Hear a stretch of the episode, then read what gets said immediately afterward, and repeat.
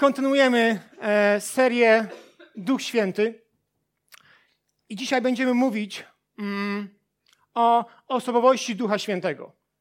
W poprzednim kazaniu mówiliśmy o tym, kim jest Duch Święty. I zgodnie z tym, co słyszeliśmy, po pierwsze, Duch Święty jest kim? Pamiętacie? Bogo, Bogiem. Po drugie, kim? I po trzecie, przyjacielem. Super. A dzisiaj pójdziemy krok dalej i jeszcze więcej o nim się dowiemy, ponieważ będziemy mówić o jego osobowości. I aby mm, zrozumieć jego osobowość, musimy posiłkować się szeregiem bardzo ważnych fragmentów biblijnych. Musimy wziąć pod uwagę szereg bardzo ważnych fragmentów biblijnych, bo bardzo ważne jest to, abyśmy rozumieli a, tak, jak mówi nam Biblia. Abyśmy traktowali Ducha Świętego w biblijny sposób. I wierzę, że ta prawda biblijna, którą dzisiaj będziemy omawiać, pozwoli nam lepiej zrozumieć Ducha Świętego i zrozumieć Jego rolę w naszym życiu. Osobowość Ducha Świętego to temat ważny z przynajmniej dwóch powodów. Po pierwsze, chodzi o relacje. Aby rozwinąć bliską relację z drugą osobą, musimy przede wszystkim zrozumieć, kim ta osoba jest, prawda? Bardzo istotne jest w tym, e, są informacje o tym, co ta osoba lubi, czego nie lubi, jakie ma hobby, do czego dąży, jakie ma ambicje. I to nam pomaga zrozumieć tę osobę. Więc aby mieć z kimś naprawdę bliską relację, musisz kogoś dobrze znać. Bo to e, sprawi, że nie będzie tyle rozczarowań, nie będzie tyle zniechęcenia. Jeżeli kogoś dobrze znasz i z tą osobą się zaprzyjaźniasz, to ta przyjaźń jest głębsza. I to wpływa na to, mm, na, ten, na tą intymność tej relacji. Bardzo ważne jest to, abyśmy rozumieli, kim jest Duch Święty. Dlatego powinniśmy poznawać Jego osobowość. Powinniśmy dążyć do tego, aby ta osobowość była dla nas czymś znanym. Nauczanie z poprzedniej niedzieli oraz to nauczanie jest mega istotne. Dlatego, że bez tych dwóch, nau bez tych dwóch nauczań nie zrozumiesz tego, co będziemy mówić w kolejnej części. W kolejnych częściach od kolejnej niedzieli będziemy mówić o działaniu Ducha Świętego. I jeżeli nie, nie zrozumiesz, kim jest Duch Święty i nie zrozumiesz, jaka jest Jego osobowość, to nie otworzysz się na Boże działanie. A jeżeli otworzysz się na Boże działanie, to będziesz je podważał, ponieważ nie będziesz rozumiał, kim jest Duch Święty i jaka jest Jego osobowość. Więc jeżeli nie było Cię tydzień temu na, tutaj u nas w kościele, proszę Cię o to, abyś odsłuchał kazanie z poprzedniej niedzieli i skupił się na tym kazaniu, ponieważ to jest istotne. Jeżeli nie ogarniesz tych dwóch tematów, nie pójdziesz dalej. Ponieważ zawsze będziesz miał wątpliwości co do tego, kto działa w moim życiu, czy kto wpływa na moje życie. Więc to chodzi po pierwsze o relacje. Po drugie, to kazanie ma za zadanie uporządkować myślenie na temat Ducha Świętego. Prawdopodobnie lub być może spotkałeś się z osobami czy poglądami, które mówiły o tym, że Duch Święty nie jest osobą. Dlatego dzisiaj pozwólcie, że powiem Wam o tym, co mówi Biblia w całości, a nie w fragmentach wyrwanych z kontekstu. Więc bardzo ważne jest to, abyśmy rozpoczęli od wysokiego C i odpowiedzieli sobie na pytanie, dlaczego niektórzy podważają ducha, osobowość Ducha Świętego. Są trzy powody. Powód pierwszy. Według nich Duch Święty jest w cieniu Ojca i Syna. Niektórzy uważają, że Duch Święty jest nie jest osobą, ponieważ jest mało widoczny. I musi być mocą, ponieważ zawsze jest w cieniu Ojca bądź Syna. Spójrzmy na to, co mówi Biblia, a dokładnie przyjrzyjmy się słowom Jezusa. Ewangelia Jana, 16 rozdział, 13 i 14 werset. Jednak gdy przyjdzie On, Duch Prawdy, wprowadzi was we wszelką prawdę, ponieważ nie będzie mówił sam od siebie, lecz powie o wszystkim, co usłyszy i powiadomi was o tym, co ma nadejść. On, mówi Pan Jezus, On mnie uwielbi, gdyż z mego weźmie i wam przekaże. Co mówi Pan Jezus? Że osoba Ducha Świętego, On zawsze pozostaje w cieniu i taka jest Jego rola. Duch Święty mało wskazuje na samego siebie, ponieważ co? On kieruje naszą uwagę na Jezusa. I to jest Jego zadanie. Powód drugi. Nieosobowa symbolika biblijna. Niektórzy podważają osobowość Ducha Świętego z powodu nieosobowej symboliki biblijnej. W Biblii Duch Święty czasami jest przedstawiany bezosobowo. I dlatego niektórzy uważają, dość do wniosku, że jest bezosobową mocą, energią lub siłą. Według tego poglądu Duch Święty jest jak prąd, który przepływa przez ludzkie ciało. Przez ten pogląd niestety wiele ludzi jest ograbionych z działania mocy Ducha Świętego. Ponieważ zamykają się na jego działanie, traktują go jako energię, która, która jest raz, a której drugi raz nie ma. Przez wielu ludzi jest ograbionych przez ten pogląd, ponieważ nie, nigdy nie weszli w bliską, intymną relację z Duchem Świętym, ponieważ nie uważają go jako partnera do rozmowy, jako kogoś, kto ma istotny wpływ na nasze życie. Powstanie tego poglądu wynika z nieprawidłowo rozumianych słów, omyłkowo rozumianych fragmentów lub małej znajomości Pisma Świętego. Trzy aspekty wpływają na ten pogląd. Zwolennicy tej teorii bazują na trzech aspektach. Po pierwsze, na tym, że Duch Święty nazwany jest także Duchem Bożym, greckie słowo pneuma, co oznacza tchnienie i powiew. To prawda, że Duch Święty e, to pneuma, to słowo, które rozumiemy jako tchnienie lub powiew. To również prawda, że on wpływa na życie osoby wierzącej, ale jest to wpływ osobowy. Jest to wpływ osobowy. Za tym wpływem stoi osoba. Trochę później to bardziej wyjaśnię. Tak samo myślę sobie, że są takie fajne treści, które warto notować. A, bo to są biblijne rzeczy na temat tego, kim jest Duch Święty. A wierzcie mi, że często jest to przydatne. Apostoł Paweł, nie pamiętam którym liście, do Galacjan bodajże, mówi o tym, że, e, że mamy obronić swoją wiarę. O co chodzi? O to chodzi, że mamy wiedzieć, w co, w co, w co wierzymy. Mamy wiedzieć o tym, w co wierzymy i jak wierzymy, prawda? Drugi aspekt. Zwolennicy tej teorii bazują na tym, że działalność Ducha Świętego zobrazowana jest przy pomocy symboli, różnych symboli, takich jak ogień, wiatr, woda, pieczęć, olej, gołębica. Ale w tym miejscu warto jest odnotowania jest to, że również za pomocą symboli bezosobowych jest Jezus w Biblii przedstawiany. Spójrzcie tą listę. Nie ma możliwości, aby wszystko omawiać, ale Jezus jest przedstawiony w Biblii mm, jako symbol taki. Prawdziwy krzewinny, drzwi dla owiec, chleb żywy, baranek, lampa w świątyni, Słowo Boże, mądrość, sprawiedliwość, korzeń, gwiazda jasna poranna, kamień obrazy, latorość, moc Boża, skała zgorszenia, droga i prawda. Są referencje obok tych wszystkich słów. Musielibyśmy o tym spędzić wiele czasu, aby wszystko omawiać. Pozwólcie, że tego nie będziemy robić z powodu czasu. Natomiast jeżeli e, ktoś uważa, że Duch Święty e, nie jest osobą, ponieważ e, jest przedstawiony za pomocą nieosobowych symboli, tak samo musimy powiedzieć o tym, że Jezus jest nie jest osobą, ponieważ on również jest tak przedstawiany. Pójdźmy dalej. Za pomocą symboli nieosobowych przedstawiony jest również Bóg Ojciec. Jako ogień trawiący, jako miłość, jako kamień obrazy, jako skała potknięcia, jako moc Boża. Więc znowu, jeżeli Duch Święty nie, ponieważ są symbole nieosobowe, to również nie Ojciec. Jasna sprawa. Prawda?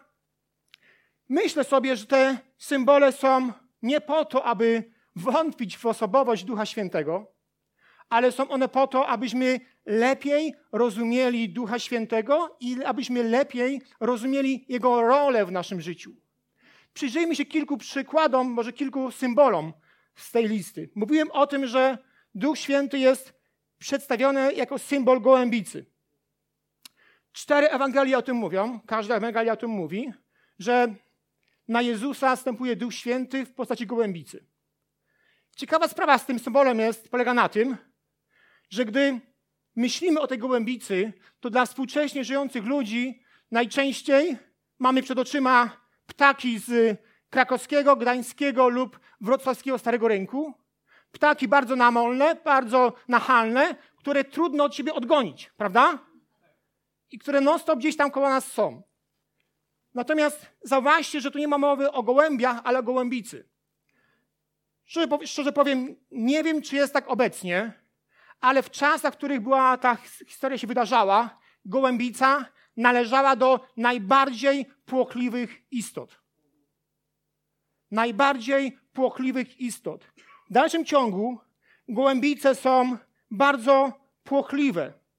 Są z natury delikatne i miłujące. Są bardzo nieśmiałe. Odpoczywają tylko w miejscach bezpiecznych i spokojnych. Gdy wybierają partnera, to na całe życie. Czy czasem ten symbol nie mówi nam więcej o Duchu Świętym? Czy czasem on tak nie działa? Idźmy dalej. Ogień, również Duch Święty przekazany jest za pomocą symbolu ognia. Duch jest jak ogień. Objawił się Mojżeszowi w krzewie gorącym, Izraelowi w słupie ognia. Ogień to kolejny symbol, który mówi nam a, o Duchu Świętym. I przyjrzymy się temu symbolowi. E, w dniu pięćdziesiątnicy duch ochrzcił ludzi w rozdzielnych językach, jakby z ognia. Za tydzień będziemy o tym mówić. Pomyśl o, pomyślmy o właściwościach ognia. Oczyszcza, daje światło, daje ciepło, spala rzeczy. Czy ten symbol również nam nie mówi o Duchu Świętym, który nas oczyszcza, który czasami spala w nas coś, co jest, a, co Bogu się nie podoba? Kolejny symbol, wiatr. Duch Święty objawił się w dniu pięćdziesiątnicy nie tylko jako ogień, lecz również jako wiatr. Wiatr może być różny. Raz jest bryzą, a raz huraganem. I czy czasem tak Duch Święty w nas nie działa, że raz jest taką bryzą, delikatnym powiewem, a raz jak, jak zacznie wionąć, to jak huragan, który potrafi z butu wyrzucić i na klona rzucić, prawda? Tak właśnie działa Duch Święty. Więc wydaje mi się, ale może inaczej, jestem o tym przekonany, że te symbole są po to, abyśmy zrozumieli, jak Duch Święty działa. Trzecim aspektem, na którym bazują zwolennicy bezosobowej mocy Bożej, jest to, że praca Ducha Świętego wydaje się niezwykle tajemnicza, mistyczna i niewidzialna. To prawda, że Duch Święty jest jak antywirus, zawsze działa w tle. Ale taka jest jego rola. Takie jest jego zadanie. I ciekawe jest to, że to działanie nie zaprzecza o jego osobowości. Nie zaprzecza temu, że on jest osobą, gdyż Bóg Ojciec jest duchem, o czym mówi nam Ewangelia Jana 4:24 i jakoś nikt nie wątpi w to, że Bóg Ojciec nie jest osobą. Tam pojawia się słowo w tym wersecie, że Bóg Ojciec jest duchem. Więc skoro Duch Święty jest duchem i podważamy Jego osobę, a Bóg Ojciec jest duchem i osoby nie podważamy, to coś tu nie gra. Wydaje mi się, że to jest bardzo, dla mnie przynajmniej bardzo e, niewłaściwe myślenie. Okej, okay, być może, że myślisz sobie, dobra, okej, okay, wierzę, wiem, od dawno o tym wiem, że Duch Święty jest osobą, ale czy są jakieś argumenty, czy są na to jakieś dowody biblijne, które mówią o tym, że Duch Święty jest osobą? Oczywiście, że są. Jest ich mnóstwo. I za chwilę o nich powiem. Ale zacznijmy od wyjaśnienia, kim jest osoba, bo to bardzo ciekawa sprawa. Ścisła, de ścisła definicja osoby, choć wydaje się być banalna, wcale nie jest łatwa. Dlaczego? Bo wiemy, że nie każda istota jest osobą. Synonim istota to nie jest synonim osoby. To są dwa różne pojęcia.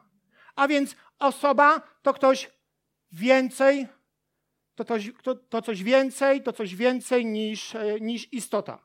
Na przykład karaluch jest istotą, ale czy jest osobą? Nie. A więc to mówi nam o tym, że osoba musi coś więcej niż tylko żyć czy istnieć.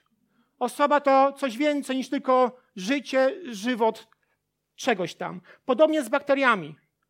One są żywe, ale czy są osobą? Nie są. A więc trzeba coś więcej, aby być uznanym za osobę, niż tylko istnieć czy żyć. Sama Biblia nam tego nie ułatwia. Nigdy, nigdzie nie ma mowy o tym, o definicji, czym jest osoba. Więc musimy sięgnąć do słownika, ponieważ tam znajdziemy rozwiązanie tego problemu.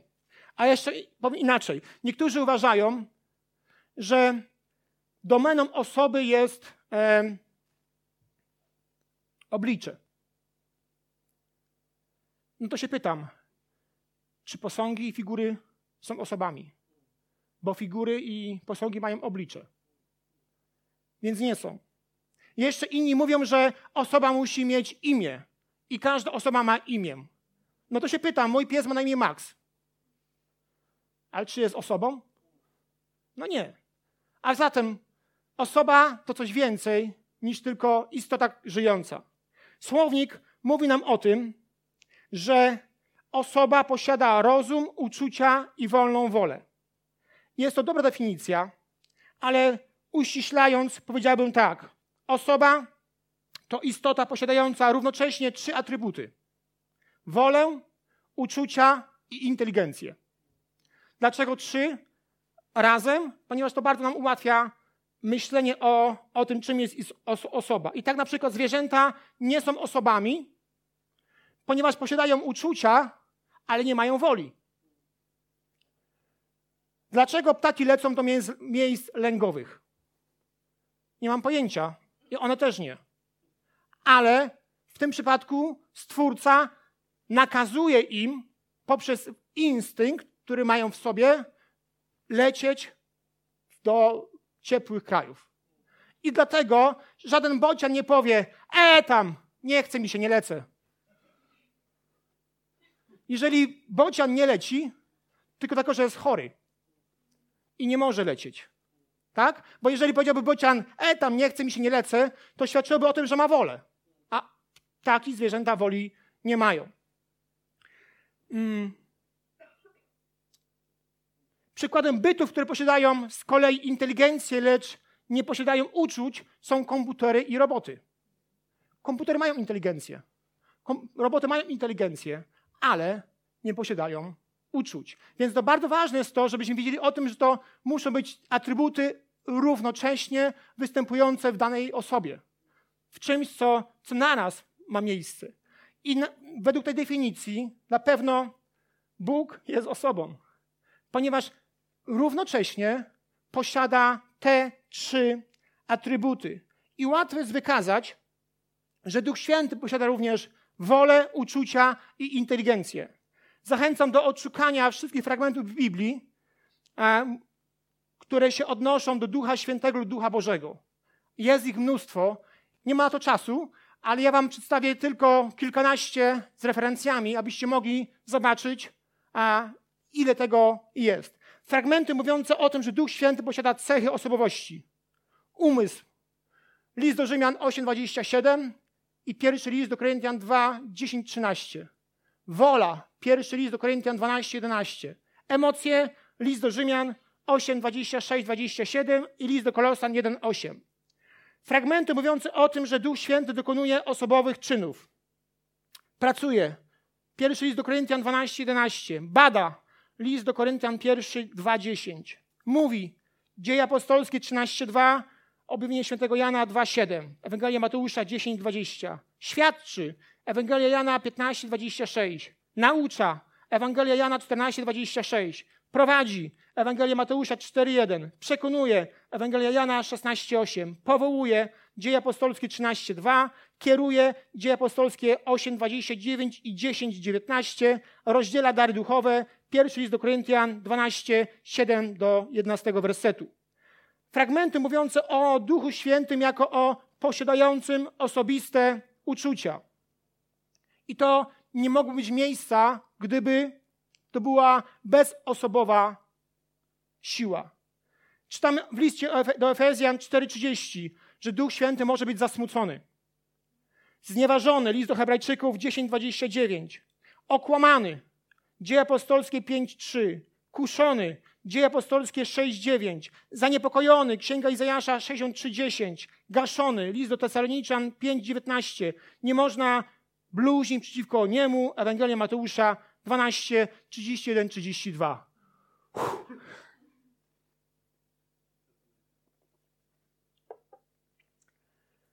Teraz wyprowadźmy serię konkretnych biblijnych argumentów mówiących o tym, że Duch Święty jest osobą. Argument pierwszy. Duch Święty przemawia bezpośrednio do ludzi jako osoba. Dzieje apostolskie 13:2. Rzekł Duch Święty: Odłączcie mi, greckie moł, Barnabę i Saula do tego dzieła, do którego ich powołałem. Zauważmy, że jeżeli Duch Święty byłby jakimś uosobieniem, energią, mocą, to, to czy człowiek mógłby z nim rozmawiać? Pamiętam, że gdy nawróciłem się trochę lat temu, pierwsze trzy dni mojego nawrócenia polegały na rozmowie z Duchem Świętym, na dialogu z Duchem Świętym, tak jak z człowiekiem. Słyszałem go bardzo wyraźnie. To był po prostu dialog. Problem polegał na tym, że po trzech dniach Duch Święty powiedział do mnie bardzo wyraźnie ostatni raz, że będzie do mnie mówił, ale już tylko ciszej. Dla mnie to był dramat, ponieważ nie znałem ludzi, którzy wierzyliby w ten sposób, który ja teraz wierzę. I ja myślałem, że chrześcijaństwo na tym właśnie polega, że masz taki bardzo bliski kontakt z Duchem Świętym, że możesz sobie z nim rozmawiać. I pytałem o szereg różnych głupich rzeczy. Myślę, teraz bym się zachował trochę inaczej. Ale w każdym razie był to bardzo fajny. Pytam o to, czy znaczy może głupich, czy nie głupich. Pytam się o tym, czy będę miał żonę. Powiedział, że tak, więc mam, jak widzicie. E, I to była taka dosyć fajna, ciekawa rozmowa. Po trzech dniach powiedziałam, teraz będę mówił do ciebie trochę inaczej, ciszej. I tak właśnie jest. Czasami Duch Święty mówi bardzo do mnie jeszcze wyraźnie, ale już nie tak głośno jak, jak wtedy. Bardzo tego potrzebowałem. Byłem w trakcie trudnych doświadczeń i obecność Ducha Świętego bardzo mi pomagała. I to jest coś, co potwierdza, że Duch Święty jest osobą. Się nie da rozmawiać z energią. Przynajmniej ja nie znam ludzi, którzy rozmawiają z energią, którzy rozmawiają z jakimś e, uosobieniem, z jakąś siłą. Zawsze, gdy rozmawiasz, to mówimy o osobie. O tym, że masz z kimś osobisty dialog. E, jeśli więc okazuje się, że w Biblii, że są miejsca, które mówią o tym, że Duch Święty rzekł, że Duch Święty coś powiedział. Jeśli więc okazuje się, że są osoby, które z Duchem Świętym rozmawiały e, bardzo bezpośrednio, jeśli więc okazuje się, że Duch Święty przez ludzi różnorakich przemawia, to czy mógł być nie osobą? Czy mógł być energią, personifikacją, uosobieniem? Nie. Więc to jest pierwszy argument, który mówi o tym, że Duch Święty mówi do ludzi. Dzieje apostolskie 10, 19, 20. Rzekł mu duch, oto szukają cię trzej mężowie, ale wstań, zejdź i udaj się z nimi bez wahania, bo ja ich posłałem. Duch Święty bezpośrednio przemawia do apostoła Piotra, wydając mu polecenie. Żadna personifikacja nie jest w stanie tego uczynić. Argument drugi. Czy można zasmucić moc czy energię? List do Efezjan 4:30. Nie zasmucajcie też Bożego Ducha Świętego, którym was opieczętowano na dzień odkupienia. Jak można zasmucić kogoś, kto nie jest osobą? Jak można zasmucić moc czy energię? W jaki sposób to odczuć? W jaki sposób to zrozumieć? Więc ten argument mówi kon konkretnie o tym, że możemy Ducha Świętego zasmucić. Więc Duch Święty musi być osobą, ponieważ jeżeli by nie był, to byśmy nie mogli go ani obrazić, ani zasmucić. A to niestety możemy uczynić. Argument trzeci. Jak nieosobowa moc może być naszym nauczycielem. Ewangelia Jana, 14 rozdział, 26 werset. Natomiast opiekun, Duch Święty, którego Ojciec pośle w moim imieniu, On was wszystkiego nauczy. I przypomni wam wszystko, co wam powiedziałem. Wszystkiego nauczy. Jeśli ktoś się z tym nie zgadza, to chętnie bym posłuchał, jak sobie wyobraża, aby nieosobowa moc mogła nauczać. Argument czwarty. Jak nieosobowa moc może poznawać i badać Boga? Pierwszy list do Koryntian, drugi rozdział, od dziewiątego wersetu. Czego oko nie zdało ujrzeć, nie zdołało ujrzeć, a ucho usłyszeć i co ludziom nawet na myśl nie przyszło, to Bóg przygotował tym, którzy Go kochają. Nam zaś objawił to Bóg przez Ducha, bo Duch przenika wszystko, nawet głębie Boga. Kto z ludzi wie tyle o człowieku, co duch ludzki, który mieszka w jego wnętrzu? Podobnie głębi Bożych nikt nie poznał w taki sposób jak Duch Boży. Duch bada wszystko, nawet głębokości Boże. Podobnie, głębi Bożych nikt nie poznał w taki sposób jak Duch Boży. Nie sądzę, aby nieosobowa moc była w stanie poznać głębie Boże. Argument piąty. To jest chyba najtrudniejsze w tej wszystkim, ale postaram się to jasno wytłumaczyć. To jest kwestia złamanej gramatyki greckiej. Ewangelia Jana, 16 rozdział i 13 werset. Jednak gdy przyjdzie On, Duch Prawdy, wprowadzi was we wszelką prawdę, ponieważ nie będzie mówił sam od siebie, lecz powie o wszystkim, co usłyszy i powiadomi was o tym, co ma nadejść.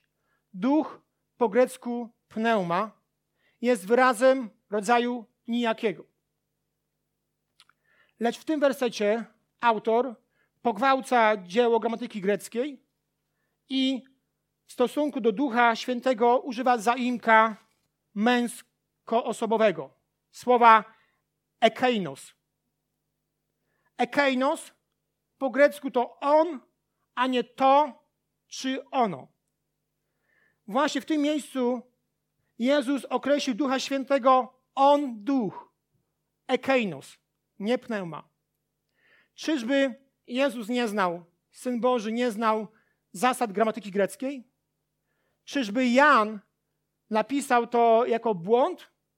Myślę, że nikt z pisarzy, którzy spisywali Biblię, po pierwsze, Biblia jest cała natchniona, więc nie ma mowy o błędzie.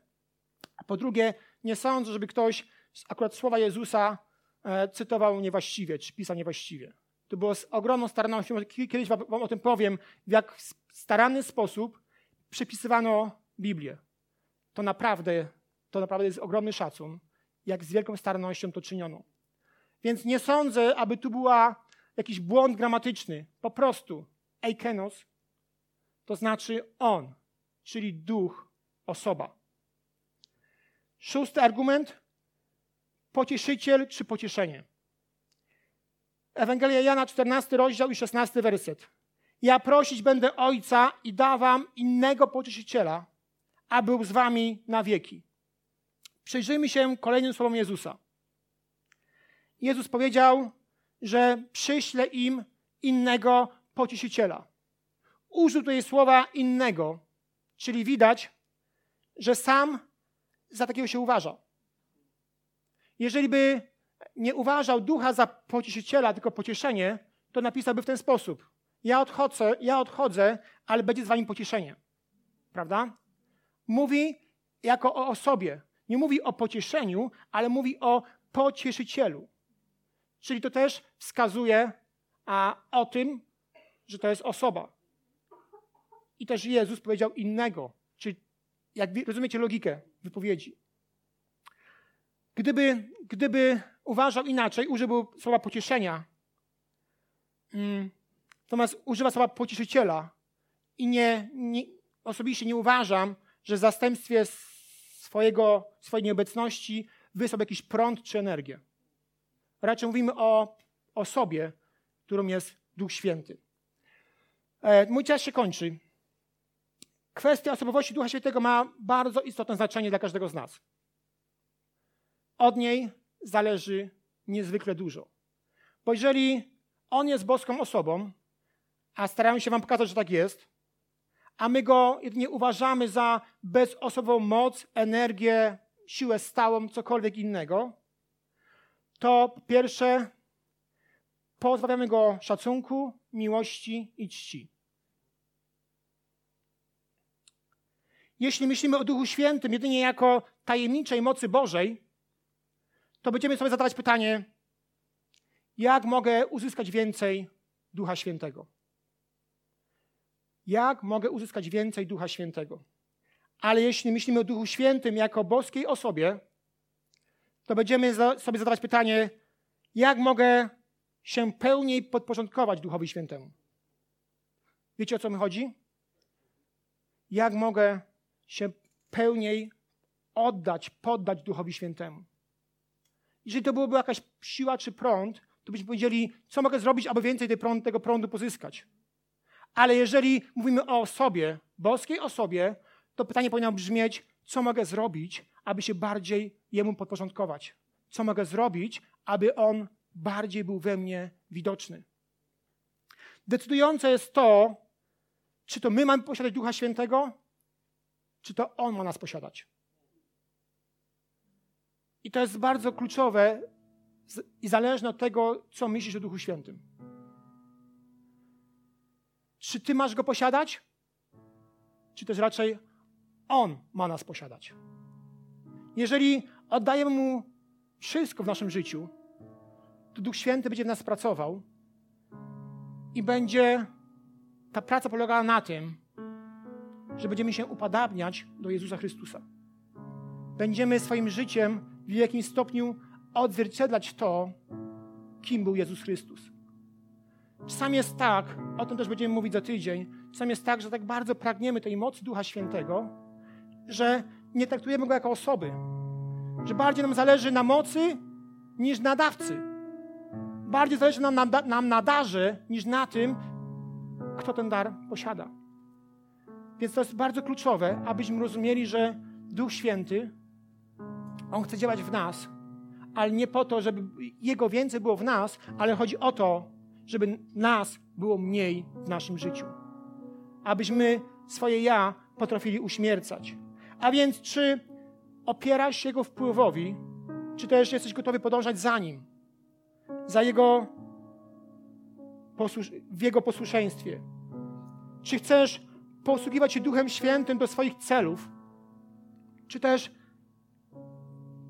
zabiegasz o to, aby On uzdalniał, uzdalniał Cię do tego, abyś się do Jezusa upodabniać? Czy poważnie traktujesz fakt, że ciało Wasze jest świątynią Ducha Świętego, który jest w Was i którego macie od Boga? Bo jeżeli mamy takie myśli, że w nas mieszka Duch Święty, to się coś zmienia. Jeżeli masz takie myśli mówiące o tym, że jesteśmy świątynią Ducha Świętego, pewnym pojemnikiem dla Ducha Świętego, trochę inaczej, trochę inaczej myślisz w swoim życiu i trochę inaczej postępujesz. Duch Święty jest boską osobą. Jest Bogiem przybywającym w naszym odkupionym życiu. Jest boską osobą, który, który zamieszkuje w nas i chce poprzez swoje działanie e, sprawić, abyśmy byli coraz bardziej podobni do Jezusa Chrystusa. Działa trochę jak antywirus. Często w tle, ale ta praca jest bardzo ważna.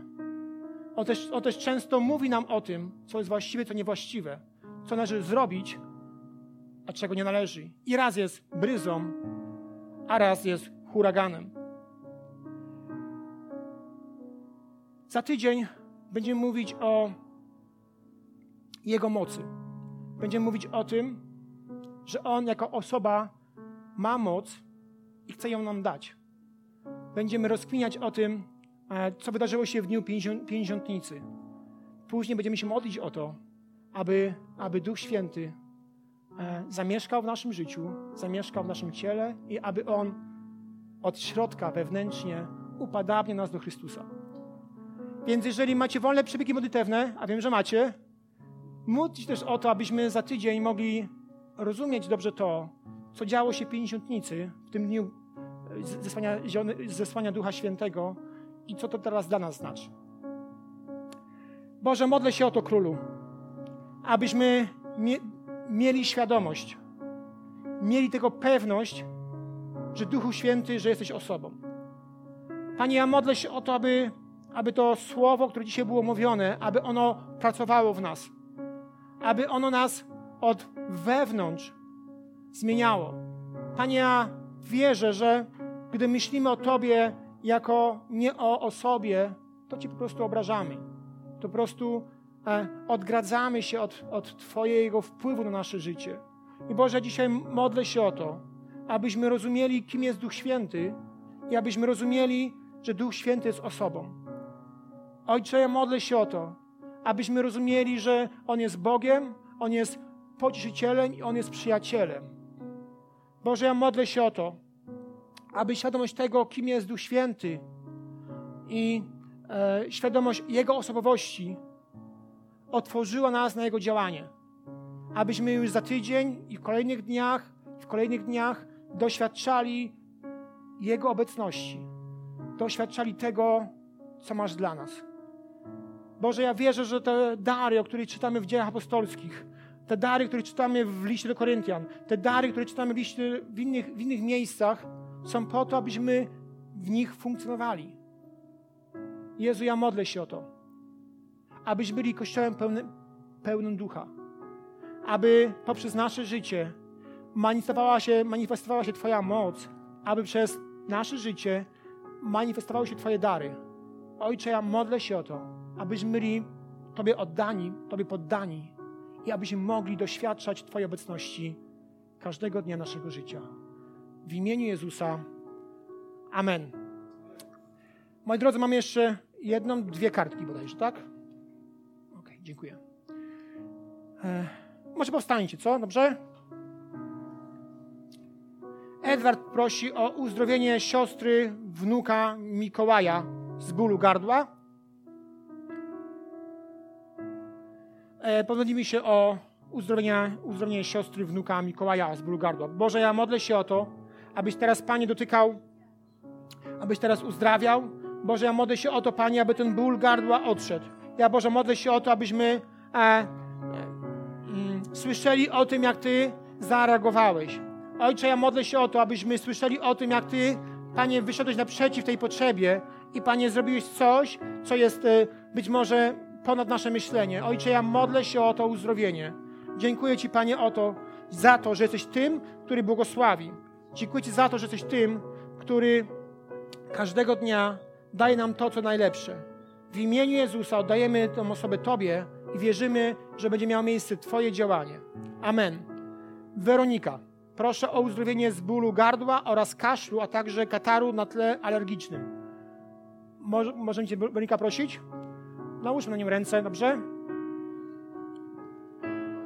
Boże, modlimy się o to, aby ten ból gardła kaszel, a także katar odszedł.